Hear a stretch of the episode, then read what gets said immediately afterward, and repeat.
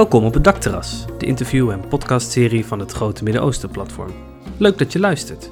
Op het Dakterras delen we de mooiste verhalen uit en over het Midden-Oosten. Met vandaag als gast journalist Fayrouz Ben Salah.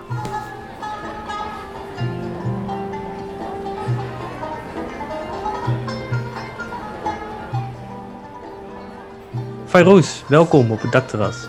Dankjewel. Uh, wat goed dat je er bent. Wij beginnen uh, ieder interview met dezelfde vraag. Uh, dus ook bij jou, ook al zit jij volgens mij nu in Tunesië, maar toch de vraag: als je nu een plek zou mogen kiezen in Noord-Afrika of het Midden-Oosten, waar je nu in de zon, misschien in de zomer, op een dakterras zou kunnen zitten, waar zou je voor kiezen? Ja, dan zou ik inderdaad voor Tunesië kiezen. En, en welke plek dan precies? Nou, ik ben ontzettend gehecht aan inderdaad een dakterras niet zo heel erg uh, ver van mij vandaan. Met een prachtig uitzicht over de zee. En daar ga ik zomers heel vaak zitten lezen. Op zaterdag en zondagochtend. En wat zie je dan? Neem ons eens mee naar die plek. Wat zie je? Wat hoor je? Ja, dan, dan zie ik um, een, een, ja, een, een, een, zee, een baai, um, witte huisjes. Uh, dan kijk ik uh, een stuk links naar de plek waar ik uh, woon. En er staat op dat terras staat er een Boeddha-beeld, waarvan ik nooit helemaal heb begrepen waarom dat daar is neergezet. Ehm, maar het is een hele idyllische plek. En alle mensen die bij mij op bezoek komen, neem ik ook mee naar diezelfde plek. En die zijn dan direct net zo verliefd als ik ben. En wanneer, het is, ik kan me voorstellen dat het nu nog een beetje koud is. Wanneer is het weer tijd om echt weer op dat dakterras te gaan zitten? Nou, ik ben erg koudelijk. Dus... Dat duurt nog even. Um, ja, um, laten we zeggen um, mei, april. Um, maar misschien ook al eerder, dat ik dan een jasje aantrek. Want ik moet eerlijk zeggen dat zodra de mogelijkheid er is, dan zoek ik de plek wel op. Ook s'avonds met prachtige lichtjes over de baai. Uh, dus misschien zelfs eind maart al. Kijk, kijk ja. dat komt in zicht. Ja. Hey, jij, jij, jij, woont en werkt al een aantal jaar in Tunesië. En um, ik heb je eerder gesproken en toen vertelde je mij dat eigenlijk tot een jaar of wat geleden Tunesië niet echt een grote rol speelde in jouw leven. Ondanks het feit dat je een Tunesische vader hebt. Mm -hmm. um, inmiddels is dat anders. Je brengt veel tijd door in Tunesië. Je, je, je woont er ook permanent. Uh, je gaat voorlopig ook niet meer weg daar, volgens mij. Op welke manier heeft Tunesië jou gegrepen in die afgelopen jaren? Um, ik vind dat nog steeds een ontzettend moeilijke vraag. Omdat het, is een plek waar ik heel erg graag ben, maar dat is natuurlijk heel erg ongrijpbaar. Um, ik vind het een, het is een ontzettend interessant land. Waar heel erg veel gebeurt. Uh, waar een ontzettende dynamiek in de samenleving zit. Uh, die ik prettig vind. Wat, wat ik ook, um, wat ook bij me te binnen schiet, is dat ik het een heel veilig land vind. En daarmee bedoel ik dat ik weet, en dat is me ook al verschillende malen overkomen, dat ook in situaties die onveilig zijn, of die onplezierig zijn, dat er altijd uh, mensen zijn die me zullen helpen en die daar ook ver in gaan, die daar echt met uh, bezorgdheid en betrokkenheid uh, ervoor zorgen dat ik weer veilig thuis kom. En dat vind ik een veilig idee. En dat is ook dat is van een warmte en een medemenselijkheid die ik in Europa um, niet of echt heel erg zelden meemaak. Is dat ook de, de gastvrijheid, waar veel, eh, wat, wat, bijna een cliché is, denk ik, maar goed, wel waar. Uh, zit, zit dat daar ook in? Um, ik weet het niet. Ik vind het ik, ik vind eerlijk gezegd, gastvrijheid vind ik een tamelijk oppervlakkig begrip. En ik weet nooit goed wat daarmee bedoeld wordt. Um, en Tunesiërs zijn soms ook juist heel individualistisch. Ik vind het een vorm van lotsverbondenheid. Een, een samenhorigheid. Wat, laat, ik het, uh, laat ik het anders omschrijven. Um, als ik mijn vriendschappen in Tunesië vergelijk met bijvoorbeeld mijn vriendschappen, die heel sterk zijn hoor, ze zijn beide even echt. Dus er is geen waardeoordeel over de kwaliteit van mijn vriendschappen. Maar dan zou ik zeggen dat ik met mijn Tunesische vrienden echt het leven deel. Je, je brengt samen tijd door. En dat is anders dan wat ik met mijn Nederlandse vrienden doe. Daar praat ik mee. Ehm, en je praat heel veel en heel diep. Dus bedoel, het zegt niks over de kwaliteit van de band. Maar je brengt minder tijd samen door.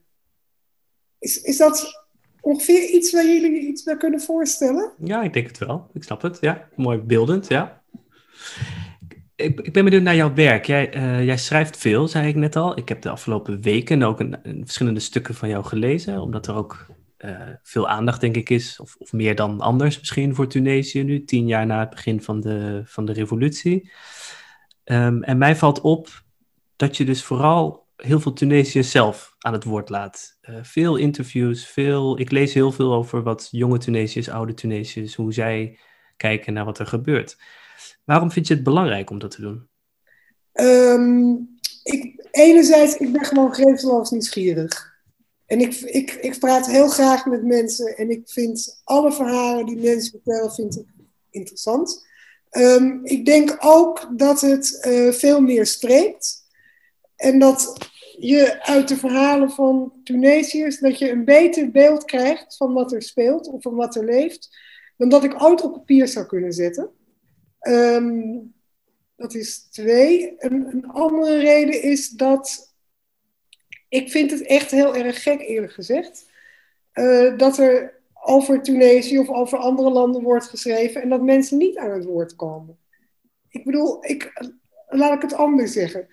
Je probeer je eens voor te stellen dat mensen over Nederland of over Europa schrijven en alleen maar Tunesiërs aan het woord laten. Dat we een heel verhaal schrijven over Nederland en dat we allemaal Nederland-deskundigen of Europa-deskundigen uit Tunesië of deze regio halen. Het zou een heel interessant beeld opleveren, maar ik denk dat 80% van de Nederlanders zeggen, maar hier kennen we ons helemaal niet in.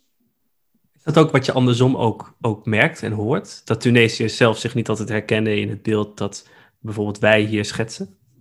Um, ja, kijk, ik denk dat mensen niet, heel een goed, niet, niet een heel goed beeld hebben van wat er geschreven wordt. Um, en ik, ik bedoel, er, zijn twee werelden. Ik bedoel, wat je, waar, waar ik me echt aan stoor, is dat er, um, als er dan Tunesiërs aan het woord gelaten worden, maar dat geldt trouwens ook voor andere landen in de regio, uh, dat er elke keer ongeveer drie of vier mensen zijn uh, die helemaal uh, suf geïnterviewd worden, bij wijze van spreken.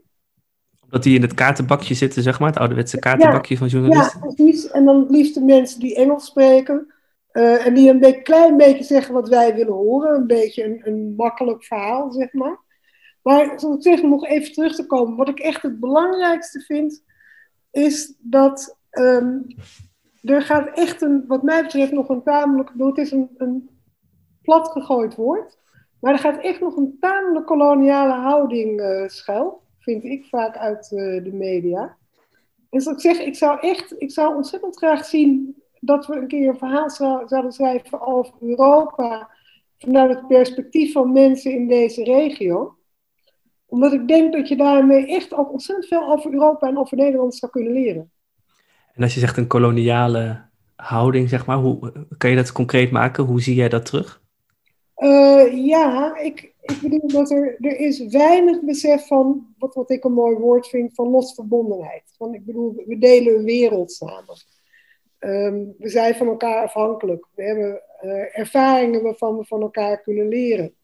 Uh, ik bedoel, er zijn dingen waar we met elkaar bang voor zijn. Er zijn dingen die we samen heel erg graag zouden willen. Um, dat is niet, dat is niet dat is iets anders dan een gemeenschappelijk belang. Maar dat is, zoals ik zeg, dat is het besef dat je samen een wereld deelt. Ook gelijkwaardigheid. Ja, en zoals ik zeg, dat je daarin van elkaar kan leren. En dat je uh, elkaar kan beïnvloeden, kan inspireren. Dat je, um, ik bedoel, dat we allemaal mensen zijn. En ik zeg, en ook bedoel, wat dat betreft, mensen in Tunesië of in Egypte. Of, ik bedoel, ze zijn echt niet zo anders dan mensen die in Nederland leven het valt echt veel mee. Ik bedoel, het zijn gewoon mensen die, ik bedoel, ook gewoon boeken lezen en boos zijn en verdrietig. Um, en uh, graag naar theater willen of juist niet en boos zijn op de politiek of niet. Um, ik bedoel, het, is niet heel spannend wat je hier meemaakt wat dat betreft. Nee, nee.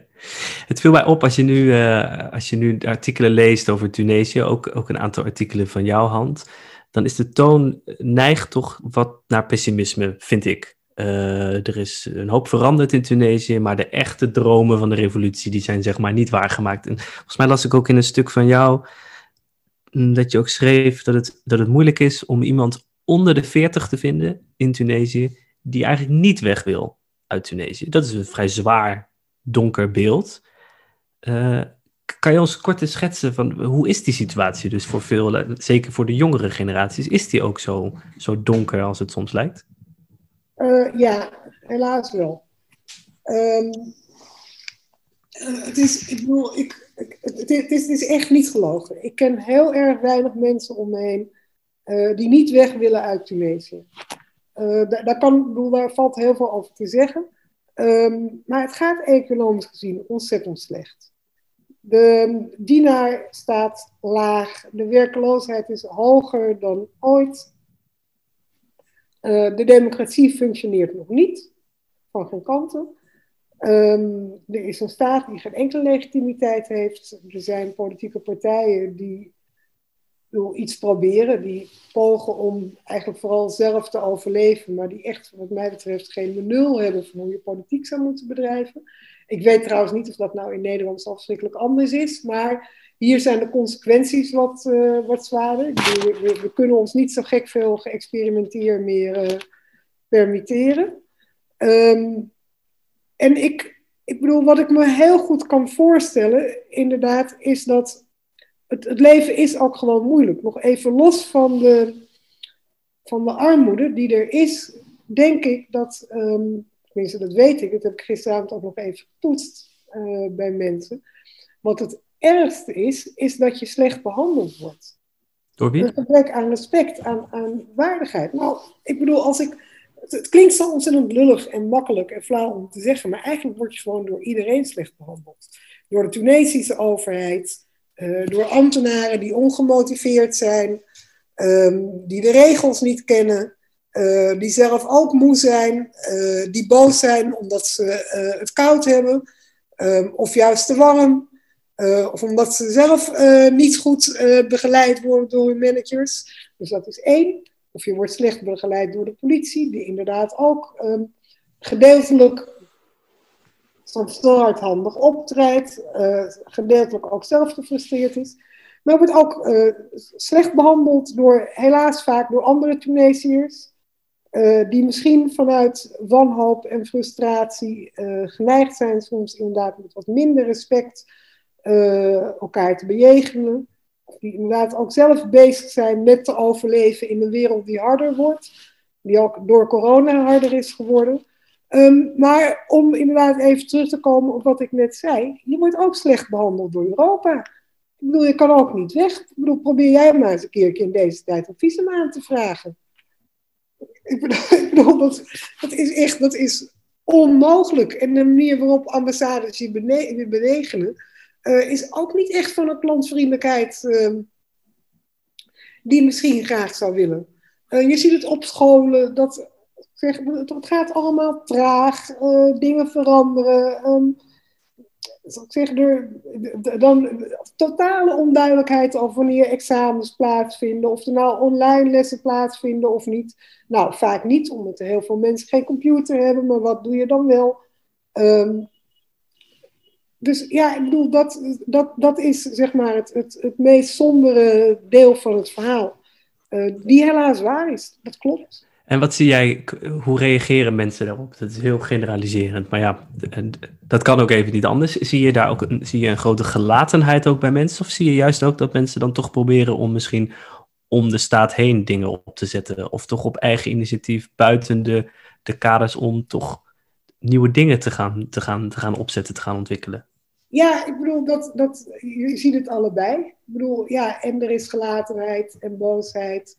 Um, maar er, zijn ook ontzettend veel nieuwe initiatieven. Ik bedoel, er zijn uh, start-ups, er zijn um, mensen die uh, prijzen krijgen voor. Ik bedoel, ik, ken een jongen die heeft zelf een app ontwikkeld om uh, vrouwen die op het platteland werken en geen verzekering hebben, geen zorgverzekering hebben, om die toch via een, een of ander ingewikkeld systeem waar ik helemaal niks van snap, met sms'en en zo, en zo, toch aan te sluiten op een zorgsysteem.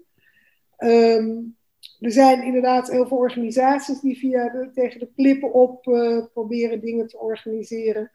Uh, een, een, kennis bij mij in de buurt is een uh, discjockeyschool voor vrouwen begonnen. Dus er is ook een ontzettende dynamiek ja. die, mij, ja, die inspirerend is. Er zijn kunstenaarscollectieven. Um, maar goed, ik bedoel, ik, ik weet niet of jullie het hebben meegekregen, maar het was de afgelopen dagen, zijn er ook heel veel rellen geweest. Ja. Uh, dus dat is ook een uiting die misschien iets minder constructief is. Ja. Een reactie op dezelfde uh, woede. Of, en dan moet ik nog wel één ding bij zeggen.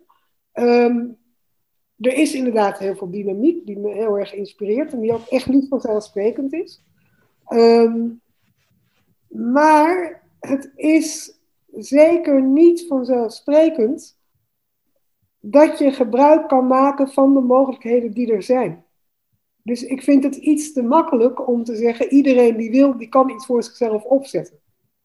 En het is een kwestie van, uh, van gewoon doen, bij wijze van spreken, of doorzetten. Ik bedoel, dat, zo zit het leven niet in elkaar. Dus, bedoel, het, is niet, het is niet een kwestie van een goed idee hebben, of creatief zijn, of doorzettingsvermogen hebben. Um, en dan uh, je eigen wereld of de wereld van anderen mooier maken dan die is. Het zit helaas stukken, stukken ingewikkelder in elkaar dan die is. Ja, maar ik kan me voorstellen, die dynamiek die je ziet, de dingen die er gebeuren, zijn die op termijn denk je sterker dan, dan zeg maar de staat die niet misschien functioneert zoals de staat zou moeten functioneren? Met andere woorden, zie jij inderdaad wel een beweging naar meer optimisme? Um, niet om me heen, of niet heel veel. Ik bedoel, je moet echt, op dit moment moet je echt je best doen om mensen te vinden die optimistisch zijn. Um, ik bedoel, ik, laat ik het zo zeggen, het is een luxe dat ik optimistisch kan zijn. En ik kan optimistisch zijn omdat ik zelf minder afhankelijk ben van de situatie zoals die nu is. Ik lijk een stukken minder onder dan de meeste Tunesiërs. Of de meeste Tunesiërs die echter Tunesiërs zijn dan ik. Um, dus ik bedoel, optimisme is een luxe, maar er zijn ook mensen die zeggen optimisme is een plicht. Um, ik ben er inderdaad van overtuigd. Ik ben er echt van overtuigd. Dat die dynamiek die er is, dat die op termijn sterker is. En dat komt omdat wat die dynamiek laat zien, wat mij betreft, is een andere verhouding tot macht dan die was. Kun je dat eens ehm, uitleggen? Ja, het is, um, het is een dynamiek van mensen die zeggen: Ik laat me niet meer alles vertellen. Het is een dynamiek van mensen uh, die zeggen: Ik, ben, ik eis mijn land op. Ik wil verantwoordelijkheid dragen. Ik wil uh, mede-eigenaar zijn van dit land. Ik wil meebepalen hoe dit land eruit ziet. Um, dat is een dynamiek en een, zeg maar, een bewustzijn of een drijfveer die je onder een dictatuur niet ziet. Want ik bedoel, daar, misschien diezelfde drijfveer wel, maar daar is die mogelijkheid is er niet. Of veel minder. En zoals ik zeg, die zie je nu wel. Um, en bedoel, die, die gaat sterker worden, want dat, dat is een generatie die hier over tien jaar zit. En dan zitten al die mensen waarvan ik nu echt gewoon vind dat ze boel ontzettend verstieren, die zijn allemaal weg.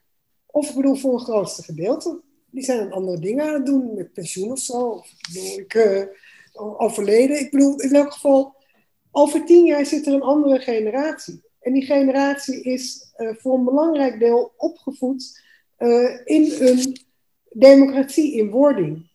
Dat is een generatie die heeft moeten leren en of die zichzelf heeft geleerd om om te gaan met vrijheid. En die ook zelf vorm heeft gegeven aan die vrijheid. En het is ontzettend interessant. En dat is ook iets wat je in heel weinig landen ziet. Ik bedoel, de, de generatie in Nederland, jonge mensen, die groeien op in een vrijheid die vanzelfsprekend is. Die al voor anderen is bepaald, waar al de piketpaaltjes al ingeslagen zijn. Daar kun je dan boos over zijn. Dan kun je nog uh, hier en daar een boos stuk over schrijven. Misschien naar het Museumplein. Maar het is anders dan hier in Tunesië, waarin ze ook zegt waarin vrijheid is, maar die grenzen van die vrijheid moeten ook nog verkend worden. Spannend ook, ja. Dat, dat hele begrip moet nog uh, een, een, definitie krijgen, moet nog ingevuld worden. Ja. En dat zijn mensen aan het doen. Ja, ja. maar dat kost ook tijd, hoor ik je zeggen. Dat, We ook... dat, dat, kost tijd. Ja.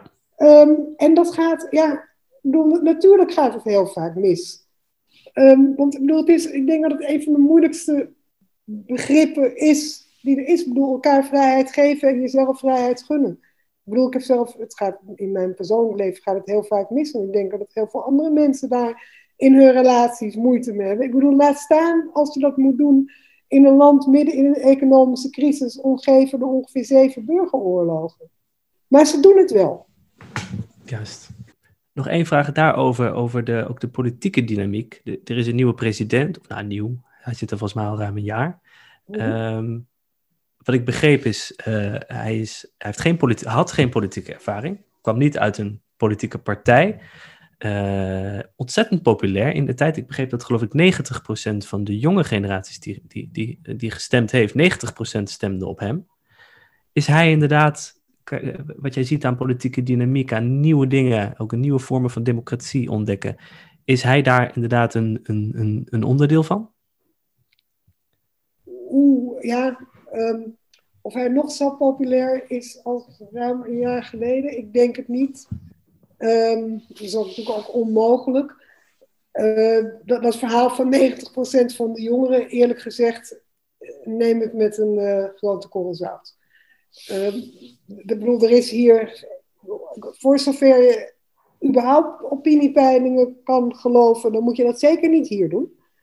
Um, dus laten we dat even buiten beschouwing. Um, hij is inderdaad, hij, hij is, dit is een hele interessante man. Ik bedoel, hij is um, aan de macht gekomen met een verhaal uh, tegen politieke partijen, voor een directe democratie, uh, waarin hij ook uh, continu inderdaad tegen jongeren zei, laat je niks vertellen, geen van die politieke partijen heeft het goede met je voor, allemaal gestold wantrouwen. Allemaal mensen die bezig zijn hun eigen belangen te beschermen. Uh, maar ik geloof in jullie. Ik ga ervan uit dat um, jongeren veel beter in staat zijn dan wie dan ook om vorm te geven aan hun eigen regio, aan hun eigen plek. Dus dat was zijn verhaal. Um, hij heeft een, een, een, plan wat nog nooit ergens echt op papier is gezet. Ik heb wel mensen geïnterviewd uh, uit zijn omgeving voor een directe democratie.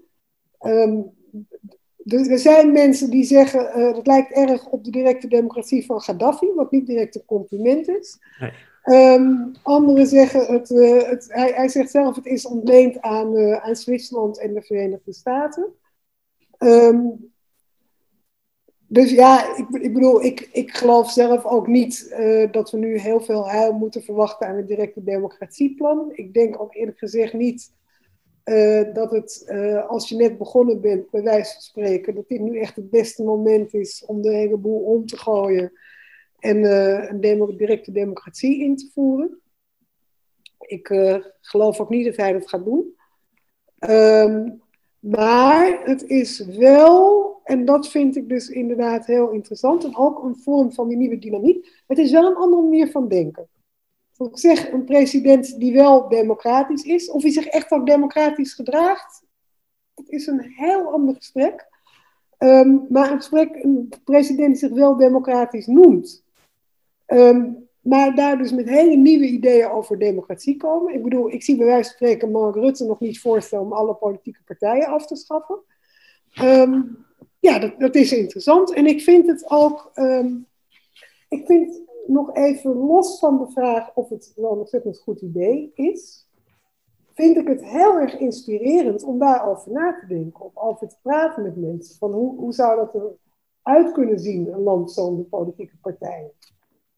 En, en, kunnen we het inderdaad anders doen? En wat zijn jullie ideeën daarover? Of onze?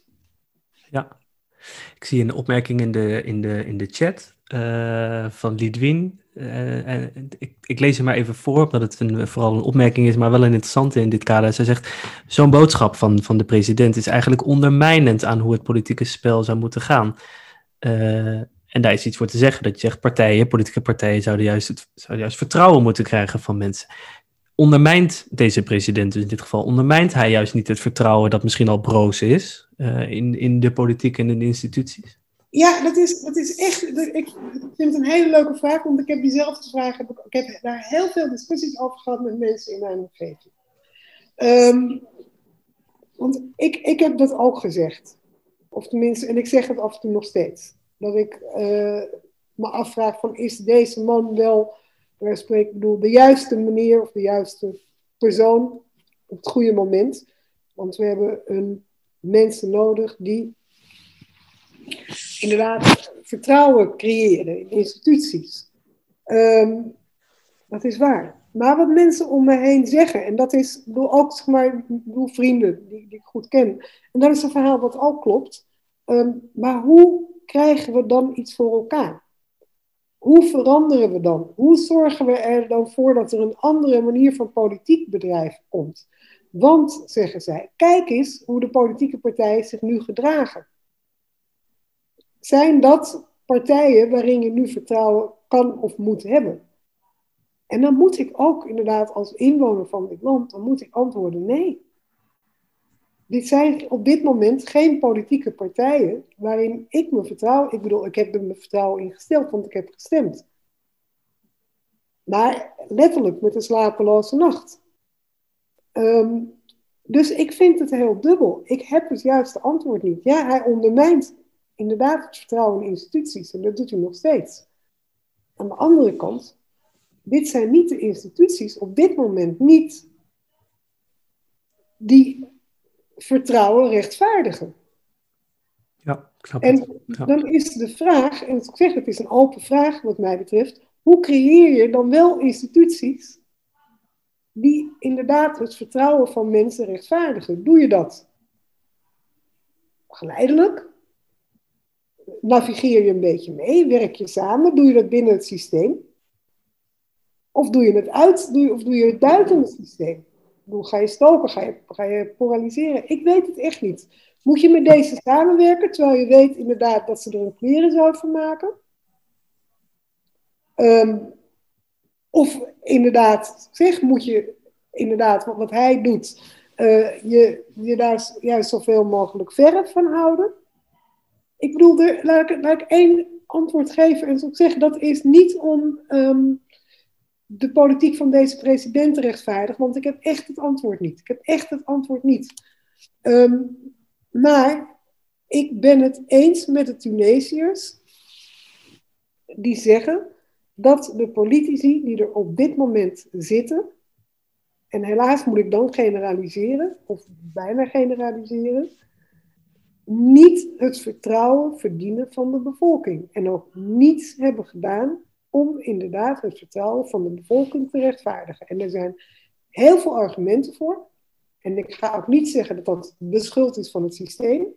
En ik denk ook dat het inherent is aan een proces van tien jaar. En aan nog heel veel andere factoren. Want ik bedoel, er zijn um, nog één zin. Ik bedoel, in vrijwel alle landen staan de instituties op springen. Dus wat dat betreft is Tunesië niet zo heel erg gek. Ik bedoel, ook in Nederland is het vertrouwen in de rechtsstaat afgebrokkeld. Ik bedoel, Wilders uh, gelooft ook niet dat er een rechtsstaat is. Uh, Thierry Baudet doet er ook alles aan om te bewijzen dat het allemaal uh, niet werkt. Ik bedoel, Trump is ook niet echt het voorbeeld van iemand die vertrouwen in een democratie en instituties uitstraalt. Zijn kiezers als helemaal niet.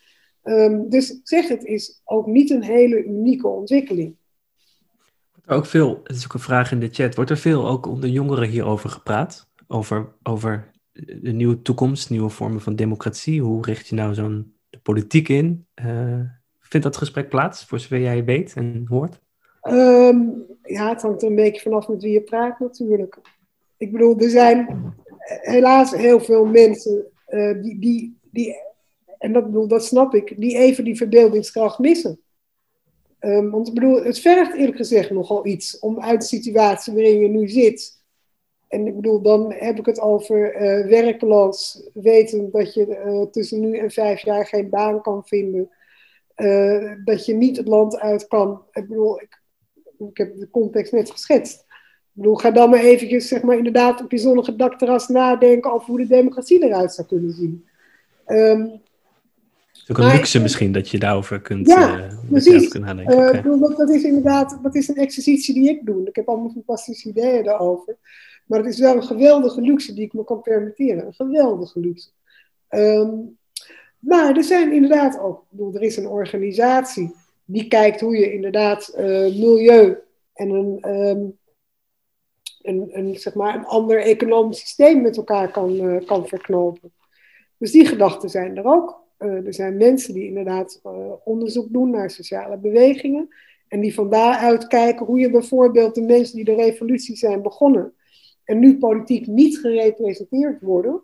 Hoe die wel politiek zou kunnen representeren. Dus het is er allebei.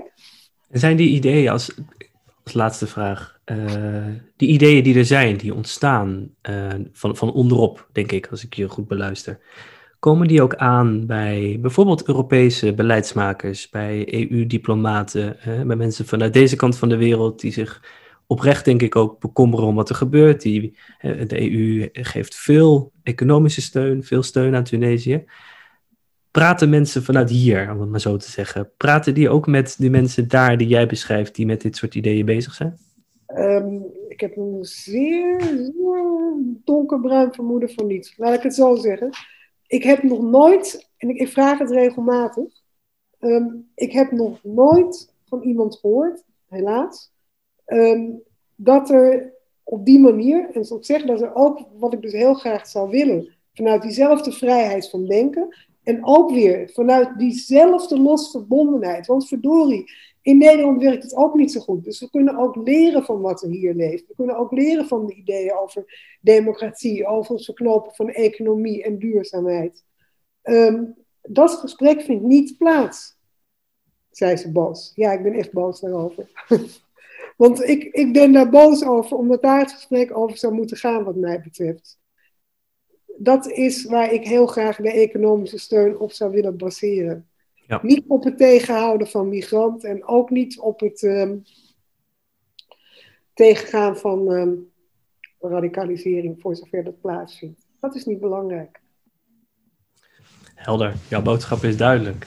Als, uh, als echte laatste vraag, want dat vragen we aan iedere gast op het dakterras. Dus dat vraag ik jou ook. Um, een volgende keer, want over een, uh, over een paar weken zitten we weer hier op het dakterras en nog veel vaker, denk ik. Uh, als het aan jou ligt, wie, welk verhaal zou nou hier verteld moeten worden en wie moeten we daarvoor uitnodigen? Um, dan zou ik zeggen Caroline Roelands. Um, ja, het is, het is erg jammer inderdaad dat het een Nederlander moet zijn. Want ik zeg, het liefst zou ik natuurlijk een, Tunesiër uit elkaar te bak uh, noemen. Maar goed, als dat niet mag, dan zou ik zeggen Caroline Roelands, die net een boek heeft geschreven over geloof de wereld in chaos. Ik denk dat zij een mooi, mooi verhaal heeft te vertellen over de geschiedenis van, de, van het boek. Helder, dank je. We zetten er op de lijst. Okay. Dankjewel, Farouz, voor, dit, uh, voor jouw verhaal en de, en de boodschap die je, die je erin meegeeft.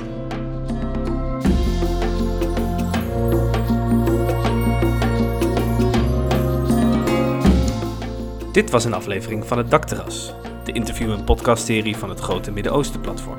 Wil je weten wie de volgende keer onze gast is? Volg dan het Grote Midden-Oosten Platform op LinkedIn, Facebook of Instagram. Wil je meer weten over onze producten en diensten? Kijk dan op hetgrotemiddenoostenplatform.nl.